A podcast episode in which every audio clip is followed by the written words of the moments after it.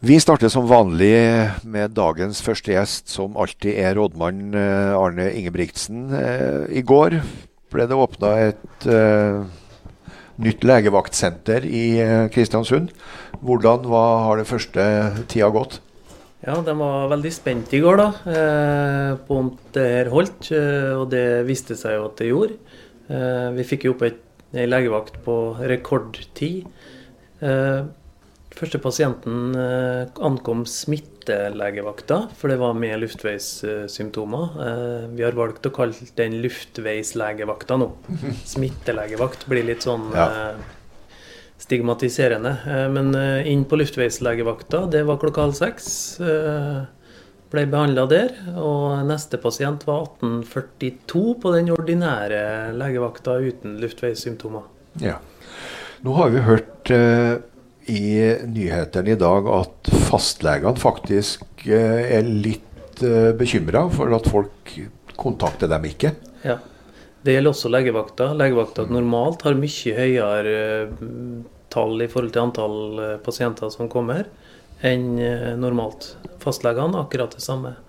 Det er klart, Nå er jo legevakta et offentlig kommunalt tilbud som kjører 24-7 hele tida, mens fastlegene er jo de er jo avhengig av lønn og eh, andre inntektskilder. Mm. Uh, ulempen med det er at hvis man venter lenge nå, uh, så kan det jo skje, vises en viss tendens til at man kommer inn med et digert hjerteinfarkt istedenfor å komme inn tidlig. Så man oppfordres jo til å ta kontakt med legen hvis man føler seg dårlig, til tross for at vi står i en pandemisituasjon.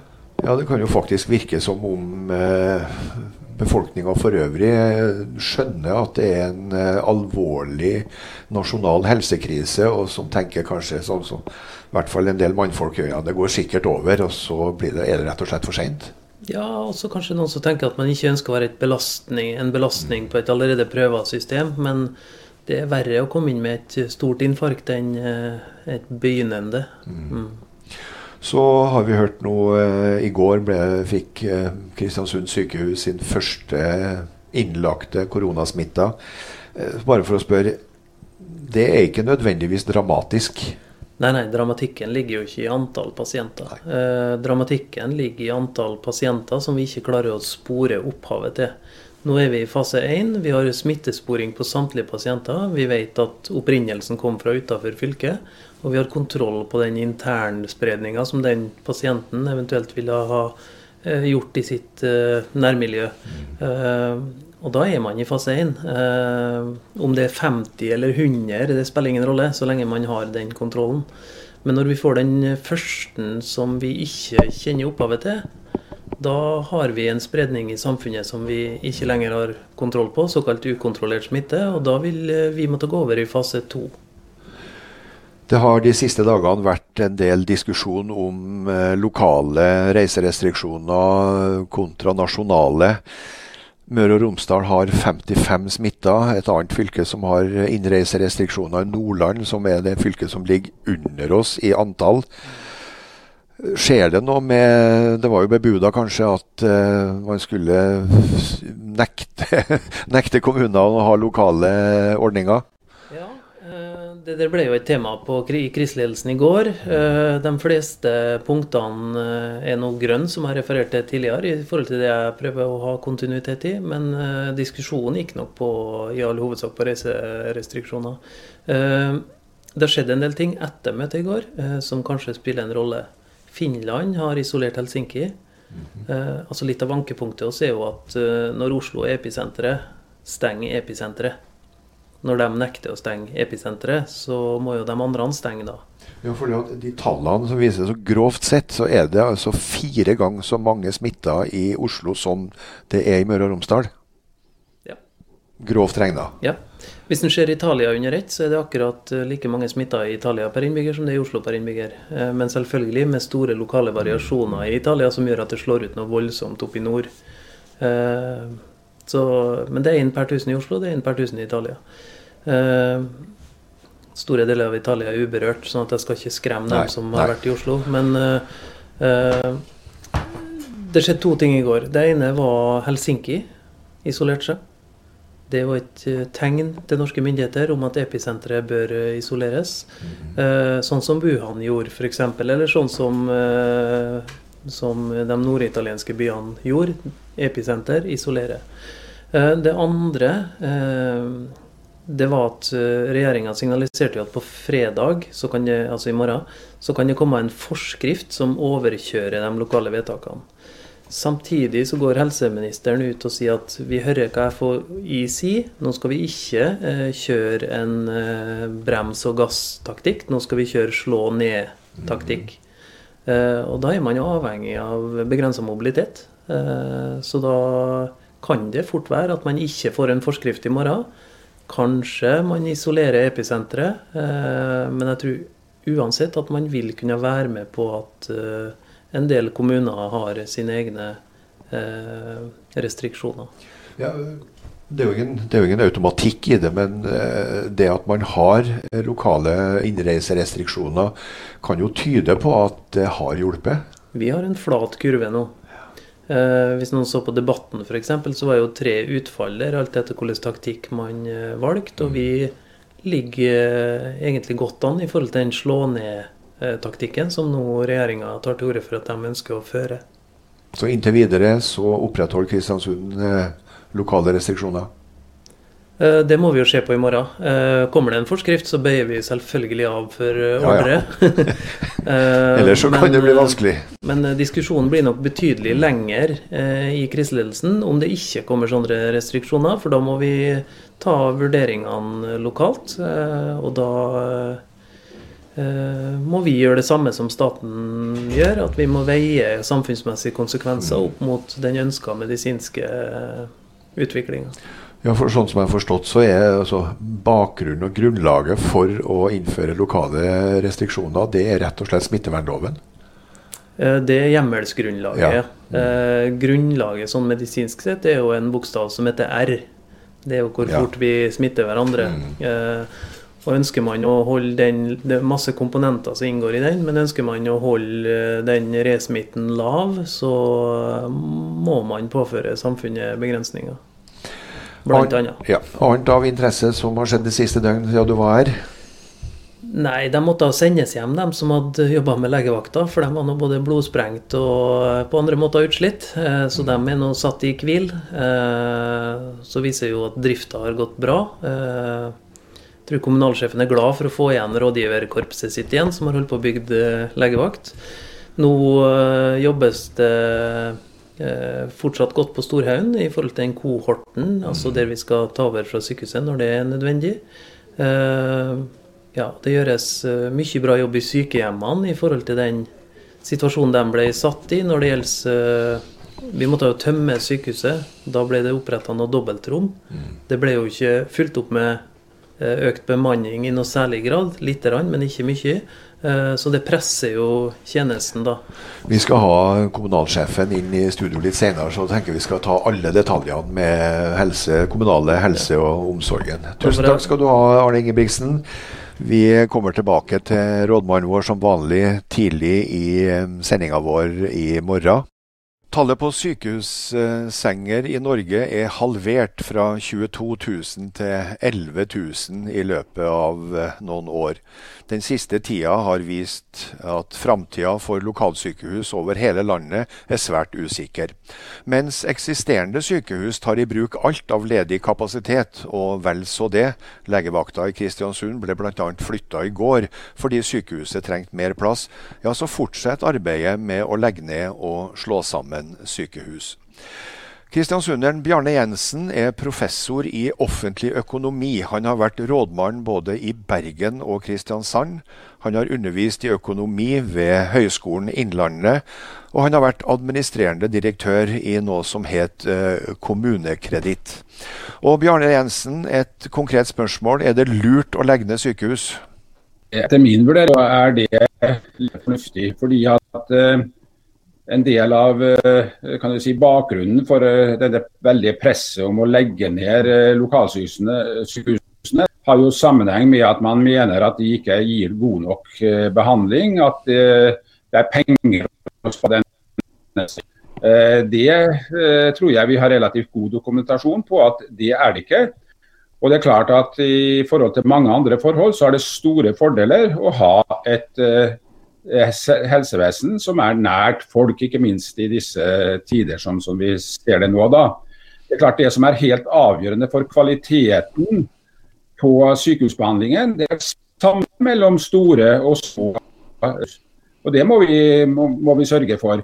Men det å legge ned de små sykehusene, som det har vært kraftige tendenser til, det eh, bidrar til å svekke eh, helsetjenestene til befolkningen og eh, samarbeidet mellom primær, altså kommunehelsetjenesten og eh, sykehusene. Slik at eh, jeg tror det har vært en veldig uheldig politikk. Med den situasjonen som hele nasjonen er inne i nå, der eh, alt som kan krype og gå av helsepersonell er opptatt med koronatiltak i tillegg til alt det andre. Direkte spørsmål. Vil den situasjonen vi er i nå få direkte konsekvenser for det planlagte fellessykehuset på Hjelset? Eh, hva som vil skje, det er ikke så lett for meg å si, men det bør få konsekvenser for dette. her. Og Vi trenger på sett og vis å tenke gjennom dette fellessykehuset på nytt. Og se det i, i lys av de erfaringene vi nå har gjort, om dette var en god beslutning. Du er i gang med en samfunnsøkonomisk analyse for uh, sykehusplanene på Nordmøre. Du vurderer bl.a. Uh, er det mulig å beholde to sykehus, ett i Molde, ett i Kristiansund. Du er ikke helt ferdig, men har du noen foreløpige kon uh, konklusjoner?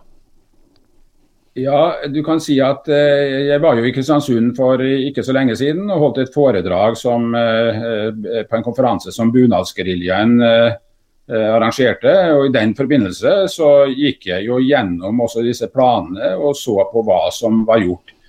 Vi, vi, det ble jo gjennomført en slags samfunnsøkonomisk analyse av ett et fellessykehus kontra to sykehus slik som vi har det i dag i Molde og Kristiansund, i 2012. Eh, den analysen konkluderte på veldig usikkert grunnlag med at det var fordeler med sammenslutning. Men eh, når vi går gjennom dette på nytt, så, så, ser vi jo nå at for det første så er planene for dette fellessykehuset vesentlig eh, forandret. Og eh, Når det gjelder sykehuskapasitet, når det gjelder sengekapasitet, eh, så er det klart at eh, når det gjelder beredskap, eh, samfunnssikkerhet, regional næringsutvikling, så skårer jo to sykehus langt bedre enn ett fellessykehus. Og jeg mener at nå må vi få gjort det måte. Og fordi at det som vi risikerer, det er at vi bruker 5 milliarder kroner i investeringer i et nytt fellessykehus og Resultatet for innbyggerne i Møre og Romsdal, og spesielt da på Nordmøre, er at vi får dårligere sykehustjenester. Hva med det økonomiske og den økonomiske totalpakken i eh, det som nå er planlagt? Ja, Det er jo helt uh, åpenbart at uh, når man går gjennom tallene og ser på uh, hva, vil, hva kostnadene knyttet til et nytt Eh, fellessykehus vil være. Altså Man får jo vesentlig høyere kapitalkostnader enn man har i dag. Man får ingen innsparinger i driftskostnader. All erfaring viser jo at uh, en slik uh, omstrukturering fører til en betydelig kostnadsøkning i omstillingsfasen. Uh, så rett og slett Helse, Møre og Romsdal har ikke penger til denne, denne, denne investeringen. Gjennomfører de investeringen, så får de mindre penger til posisjon for pasientrettet sykehustilbud, dårligere kapasitet. Så det, det, dette, dette det, Å gjennomføre denne investeringen nå har planer, planer om, det gir ikke øh, bare negative konsekvenser for eh, Nordmøre og Kristiansund, hvor de er ganske formidable negative konsekvenser, men den gjør det for hele Møre og Romsdal. Hvis du skal tippe, gjette, forsøke å spå med tanke på den situasjonen vi befinner oss i nå, hva tror du om framtida til Kristiansund sykehus? Ja, jeg har jo tiltro til at eh, vi har fornuftige beslutningstakere, selv om man av og til blir skuffet. Men at man eh, nå må sette seg ned, gå gjennom de gamle kalkylene som eh, for øvrig var gjort før man hadde bestemt seg hvor dette fellessykehuset skulle være. Går gjennom disse analysene og ser på dette i et nøkternt grunnlag. Ikke minst ser på hva det vil bety av negative ting å legge ned eh, sykehuset i, i, i Kristiansund, eh, så, så, må man ta seg tid til det. Og jeg, Det er én ting som jeg har lyst til å minne på. fordi at Hvis vi løfter blikket og ser på sykehussituasjonen i hele Norge, så er det slik at vi har ca. 20 sykehus som har omtrent samme befolkningsunderlag eller lavere befolkningsunderlag enn det som man har på sykehuset i Kristiansund. Og eh, det, det som er under disse analysene som har vært gjort, det er at sykehuset i Kristiansund ikke er bærekraftig. Vi klarer ikke å rekruttere fagfolk. Vi klarer ikke å eh, drive den pasientbehandlingen på en god måte. Noen tror at vi får mye bedre kvalitet på behandlingen dersom vi får et fellessykehus. Dette er for det første en mye, ingen eh, dokumentasjon går man gjennom. Kvaliteten, så er det ikke slik at de små sykehusene har dårligere kvalitet. Og Faktum er jo det at det betyr at, eh, at eh, realiteten så blir Kristiansund, hvis vi ser bort fra Vestfold og Østfold, som er relativt små geografiske avstander, så vil de, de, Kristiansund bli den største byen som mister sitt eh, lokalsykehus. Eh, meget urettferdig eh, eh, overfor nordmøringene. Da sier vi tusen takk til Kristiansunds professor emeritus i offentlig økonomi, Bjarne Jensen. Vi har holdt på i snart to uker med disse sendingene fra rådhuset i Kristiansund. Og i studio nå så har jeg fått besøk av en som vi har ja, vi har regelrett jakta på vedkommende i to uker. Kommunalsjef Siv Iren Stormo Andersson, hjertelig velkommen. Det er godt å ha deg her, for du har vært hjemme med hjemmekontor og vært småsjuk. Er du nå tilbake frisk og rask? På antibiotika, men frisk og rask. Ja, og vi kan eh, berolige alle, det var ikke korona? Det var ikke korona. Hvordan var det å sitte hjemme og jobbe når du helst skulle ha vært eh, her på huset og vært mer direkte involvert? Jeg syns det fungerte veldig godt på hjemmekontor, da. det må jeg få si. Eh, men så er man litt sirkushest. Vil helst være der ting skjer. Eh, men jeg ser jo, vi sitter jo veldig isolert her på rådhuset òg. Eh, veldig disiplin i forhold til å ikke være så sosial for tida. Mm. Men jeg syns det fungerte veldig, veldig godt. Hvordan er statusen på de kommunale omsorgstjenestene per torsdag 26.3? Uh, statusen er at det er veldig, veldig travelt, spesielt i sykehjem. Eh, og i Nav. Og på det her responssenteret mitt. Eh, for dem er, de har, er oppe i den ekstraordinære situasjonen. Og så har vi slik vi har hørt rådmannen snakke om i flere dager, eh, jobba veldig godt med å forberede oss på en ekstraordinær situasjon, særlig i Storhaugen. Jeg opplever at man har kontroll, mm. men at det er innmari mye arbeid som er knytta til å, å ha, få kontroll. Ja. Mm. Vi hørte også rådmann Arne Ingebrigtsen snakke om at både fastleger og legevakta er overraska over at det er rett og slett for lite folk som henvender seg til helsetjenester som de kanskje ville ha gjort i en normalsituasjon. Mm. Det er viktig å få fram nå at føler du deg dårlig, så skal du kontakte legen din. Ikke, ikke tro at du er til bry for det om det er eh, kaos og armer og bein i helsevesenet. Mm. Nei, Vi har et helsevesen som er rigga for uh, alle. Og det er viktig at fordi om vi har fått en ny sykdom, da, om covid-19, så slutter jo ikke de andre sykdommene å komme. Og det er veldig veldig viktig at folk fortsetter å oppsøke fastlegen sin. Uh, ikke, uh, ikke, være redd for at man er en belastning for fastlegen. Fastlegen er her for oss. Uh, så det vi opplever nå, det ser vi over hele landet, det er veldig bekymringsfullt. Vi er redd at det kan få alvorlige konsekvenser for liv og helse. Ja, jeg må ærlig innrømme at jeg har vært en av dem som har kvia meg litt for mm. å ta kontakt med legen. For det er jo sånn, det, altså, I den situasjonen vi er nå, mm. så er det plunder og heft og småtteri. Mm. Men jeg tok meg på tak og sendte en melding til legen min på tirsdag. og mm. Kan vi ta en videokonferanse? Mm. Og klokka ni i går morges så var jeg heldig. Da fikk jeg konferanse med min fastlege, mm. og alt gikk smidig og smertefritt. Alt ordna seg. Mm. Så oppfordringa må være folkens at uh, ikke vent for lenge hvis dere føler dere um, litt sjaber, eller i en situasjon der dere ellers ville ha gått til legen.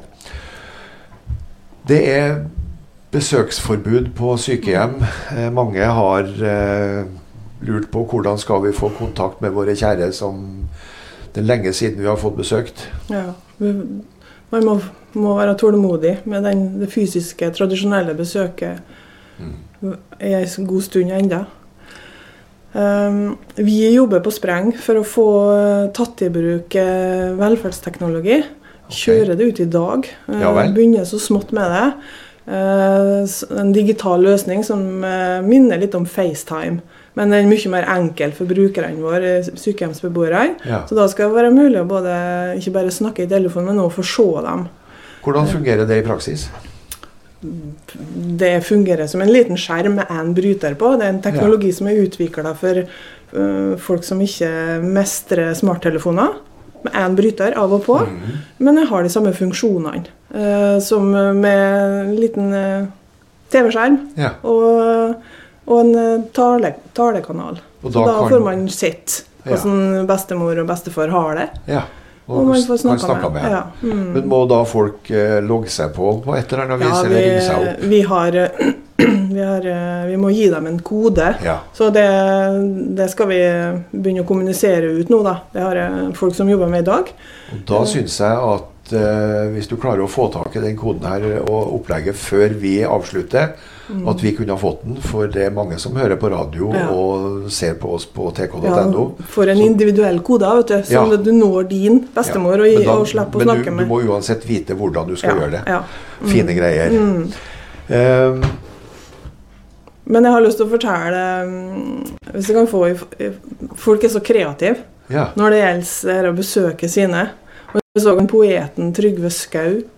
Uh, han, uh, han, følger på Instagram. Ja. Han skrev uh, på søndagen som var at ukens søndagsaktivitet Se på en oldemor. Ja. Da var han tydeligvis utom ei blokk eller et, en institusjon der oldemora hans bodde, ja. og vinka til henne. Um, og så har jeg fått historier fra eget sykehjem her i byen. At pårørende har stått utom uh, Kringsjå med plakater og flagg og hilsa inn til sine. Og det syns jeg var så fint yes. og vakkert. Og så var det litt vondt samtidig. Ja, men... For det er, jo, det er, jo, trasig for dem som opplever det her. Men samtidig så eh, Vi er to uker i, ute i en unntakstilstand, og det mm. viser seg at folk er jo kreative, som du sier. så... Mm. Eh, vi får håpe at det ordner seg med en tjeneste som gjør at man, eh, om ikke fysisk kan være til stede, så i hvert fall både se og høre dem ja. som ligger på mm. sykehjem. Mm. Og husk, vi må få oppskrifta oppskrifter på hvordan man gjør det. Det skal vi. Tusen takk til vår eh, til, tilbakevendte kommunalsjef eh, Siveren Stormo eh, Andersson. Det går an å lage musikk i hagen, men det er svært vanskelig i disse tider for de fleste.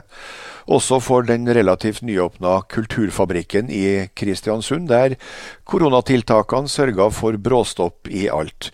Og Øyvind Frisvold, hvor mange arrangement har dere mista? Nei, eh, hva skal jeg si, ca. en 30-35 eh, arrangement så langt. Da, så det er ganske uh, alvorlig for vår del. Da. Men når det er sagt, så er korona, korona mer alvorlig enn arrange, uh, avlyste arrangement. Så helse og sikkerhet og ta vare på de svakene er i første rekke nå, så skal vi komme sterkere tilbake. Men det er jo vemodig å se en tom scene bak meg på den måten her. Uh, her skulle det vært stort liv og full røre for uh, hver eneste dag, nesten. Er det avlyst eller utsatt? Det er utsatt. Vi jobber med hvert eneste, uh, eneste, arrangement for å få utsatt det videre utover sommer-høst. Men vi må jo selvfølgelig ta hensyn til retningslinjer fra det offentlige og det vi måtte gjøre, og ta de hensyn som det gjelder til enhver tid. da. Hva betyr det økonomisk for Kulturfabrikken med det som skjedde? Nei, Vi hadde jo en fantastisk start fra oktober til desember. Så visste vi at januar og februar er måneder som ikke er så fullt trøkk på, så da uh, la vi oss litt mer bakpå. Og så skulle vi ha en storfart uh, fra uh, mars, da. Og da kom jo den saken her. Kulturfabrikken var jo bl.a. noen av de første som tok konsekvensen og så at vi greide å overholde de, på en måte, de restriksjonene som kunne, så vi stengte jo ned. Vi tok et styrevedtak på det. Ja, Dere skal ha et styremøte senere i dag for å finne på lure grep fremover. Kan du røpe noe av hva dere kommer til å diskutere? Du vet, vi, vi, vi, prøver å være kreative, og det er jo veldig mye streamingkonserter og sånne ting som foregår nå. Og, og vi jobber med på scenen bakeren for å få, i, få, få arrangert en streamingkonsert med, med, flere artister da, med litt forskjellig på. Og da må vi også selvfølgelig ta hensyn til Uh, de restriksjonene som gjelder med avstander. Altså, men vi har god plass i Kulturfabrikken. Altså, det er jo, er jo uh, en fordel oppi alt. Andre interessant på styremøtet som vi kan avgjøre her og nå? Uh, vi skulle gjerne ha gjort det, men det er klart økonomi for oss er jo, er jo veldig viktig fremover. Da. Og nå skulle vi jo begynne å Eh, bygge ut eh, øvingsrommene og sånne ting. Og, og, det står jo litt på vent nå. For det, nå må jo penger brukes mer til å holde hjulene i gang, hvis det ikke finnes gode støttespillere ute som kan være med å bidra. Kulturbransjen, utesteder og servicebransjen er jo blitt ramma veldig, veldig hardt. Og, og, det er klart at det er mange som sliter nå, og, og bl.a. de som driver med booking og artistene generelt, har jo fått seg en skikkelig smell. Men vi kommer tilbake. Ja, vi får håpe alt uh, ordner seg, uansett hvor lang tid det måtte ta. Men du ja. sier at uh, skal en strømmekonsert, hvordan kommer det i praksis til å foregå? Nei, det kommer, Nå skal vi jo som sagt ha styremøte etterpå, men det kommer til å bli oppdelt sånn som vi tror i tre deler, da, med tre forskjellige artister som kommer inn på forskjellige tidspunkt. Så, så blir det litt eh, spriting med litt eh, god antibac og, og, sånne ting. Og så eh, kommer en ny artist på, så i mellomtida så vurderer vi å sende fra julegamma fra og andre musikkinnslag imellom innslagene, så vi får gjøre de forberedelsene vi trenger i mellomtida. Tusen takk skal du ha, Øyvind Frisvold. Ja. vi får håpe at det ordner seg. Det aller mest kjente bandet fra Kristiansund det må sies å være 'Dance with a Stranger', uten forkleinelse for andre. Det var tvilsomt om de kommer på strømmekonsert fra Kulturfabrikken. Men debutalbumet deres kom i hvert fall i 1987, og derfra gikk det rett til vers. Her er 'Lovers in the Night'.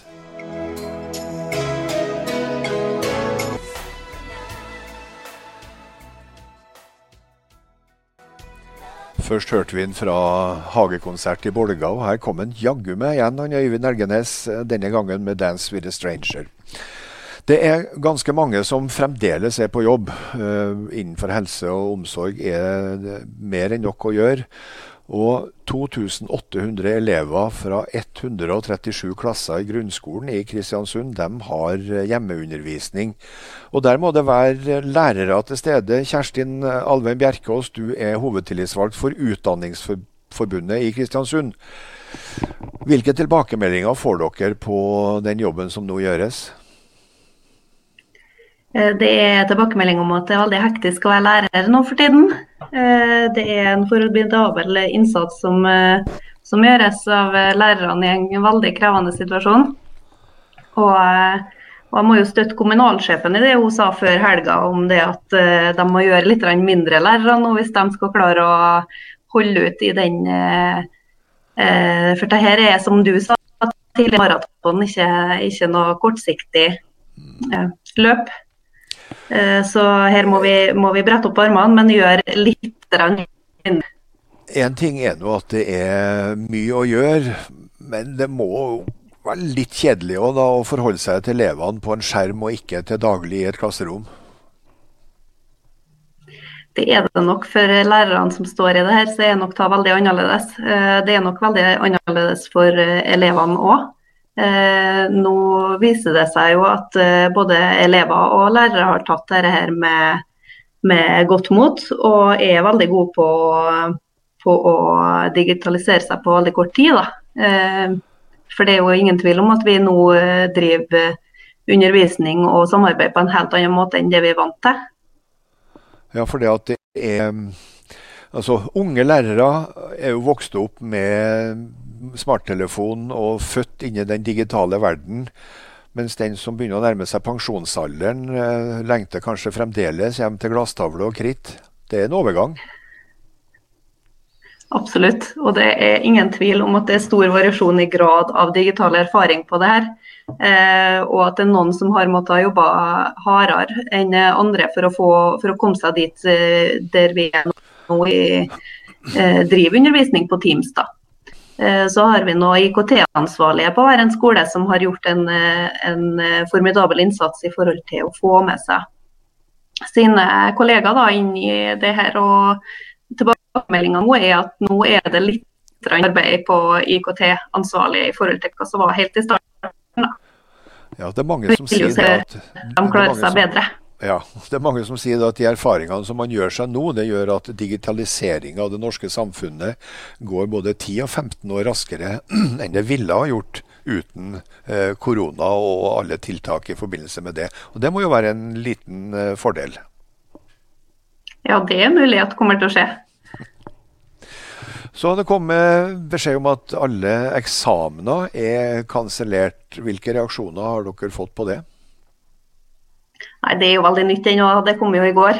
Eh, så, så, jeg har ikke fått så veldig mye, mye reaksjoner fra eh, Utdanningsforbundet sine medlemmer på det. Men vi er jo enige at dette er en avgjørelse som er gjort for at skolene skal kunne prioritere eh, undervisning og det å gjøre gode grunnlag for å sette standpunktkarakterer. Og at tiendeklasseelevene skal ende opp med et vitnemål selv om de ikke har eksamen. Så midt i alt det hele så får de digital undervisning, og nå kan dere love at i stedet for eh, en vanlig eksamen, så blir det en dunge med digitale prøver helt fram til sankthans? så Det er jo tilbake til det her at vi må jo, vi må jo jobbe uh, det her med mengde med For det er jo ikke meninga at det her skal erstattes fullt Uh, den undervisninga som vi har i dag, vi er hverdags. Vi er nå i en undersituasjon og da må vi litt og tenke på hva er det som er godt nok nå i en unntakssituasjon. Tusen takk til hovedtillitsvalgt for Utdanningsforbundet i Kristiansund, Kjerstin Alfheim Bjerkås. Vi overlever nok både vi andre og lærere og elever.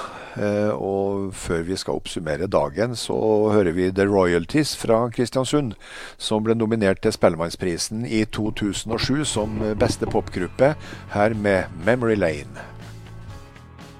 Vi skal så smått eh, lande dagens sending. Som vanlig så avslutter vi med ordfører Kjell Nergård. På meg som eh, vanlig borger og innbygger, det virker på meg som om kommunen har rimelig kontroll. Ja, Vi har i hvert fall håndtert den situasjonen som har oppstått veldig godt. Og så føler jeg at vi er veldig godt forberedt på det som måtte komme. Nå vet vi aldri hva som kommer, det er jo ingen som kan spå om det. Men jeg føler at vi er, så godt forberedt nå som mulig i forhold til at eventuelle smittetallet skal eh, øke fremover. Ja, for det er jo folk før meg som har funnet det på, men det er noen som sier det at godt planlagt er halvt gjennomført klart det, Når du har, føler at du har rusta deg til den situasjonen som kan oppstå, så er det mye lettere enn å ta det der og da adhoc. Så vi har brukt noen uker nå på å forberede oss. Eh, folk er sliten, men eh, jeg merker nå at vi er godt forberedt. Ja, Vi er tross alt bare to uker inn i denne si, krisesituasjonen, og alle må være forberedt på at situasjonen kommer til å utvikle seg. Det kommer til å bli verre.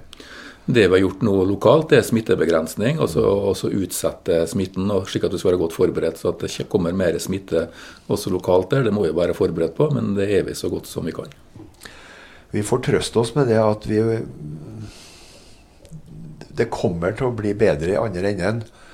For å si at det er noen som ser lyset i tunnelen. Noen tror at det er dagslys, og noen tror det er toget som kommer. Men vi får, vi får håpe at det lyset betyr at vi i løpet av noen uker går mot positive signaler. Det håper jeg også. Så jeg er veldig stolt av innbyggerne i Kristiansund og på Nordmøre som følger nå de henvisningene de rådene som blir gitt om at vi skal holde oss mest mulig i ro og ta hensyn. Og det føler jeg at folk nå gjør. da. Har du slått fra tanken om å dra på påskeferie på hytta på, i Tingvoll? det, har jeg, det har jeg gjort for lenge siden. Jeg hadde lov å ta en dagstur, og jeg tenkte meg innover fra Setehytta med en dag, men en overnatting ble det selvfølgelig ikke. Nei, Det sier de alle. Ja. Takk til ordfører eh, Kjell Nergård. Før vi går av lufta. I morgen må alle KBK-fans eh, skru seg inn på sendinga fra Kristiansund kommune fra klokka tolv og utover. For da skal dere nemlig få høre en rykende fersk KBK-sang med nordmøringene Egil Hegerberg og Håvard Takleord. Og til alle dere som fortsatt savner å få besøke de kjære på sykehjem, det kommer løsninger som gjør at det her kan ordne seg digitalt. Det blir ikke helt det samme som å kunne gi en klem eller eh, stryk på kinnet eller hold i hånda, men det er tross alt bedre enn ingenting. Ta vare på hverandre, ta en telefon til noen som sitter alene. Vi ses eller høres i morgen. Som vanlig avslutter vi med Vitalux og Frode Alnes.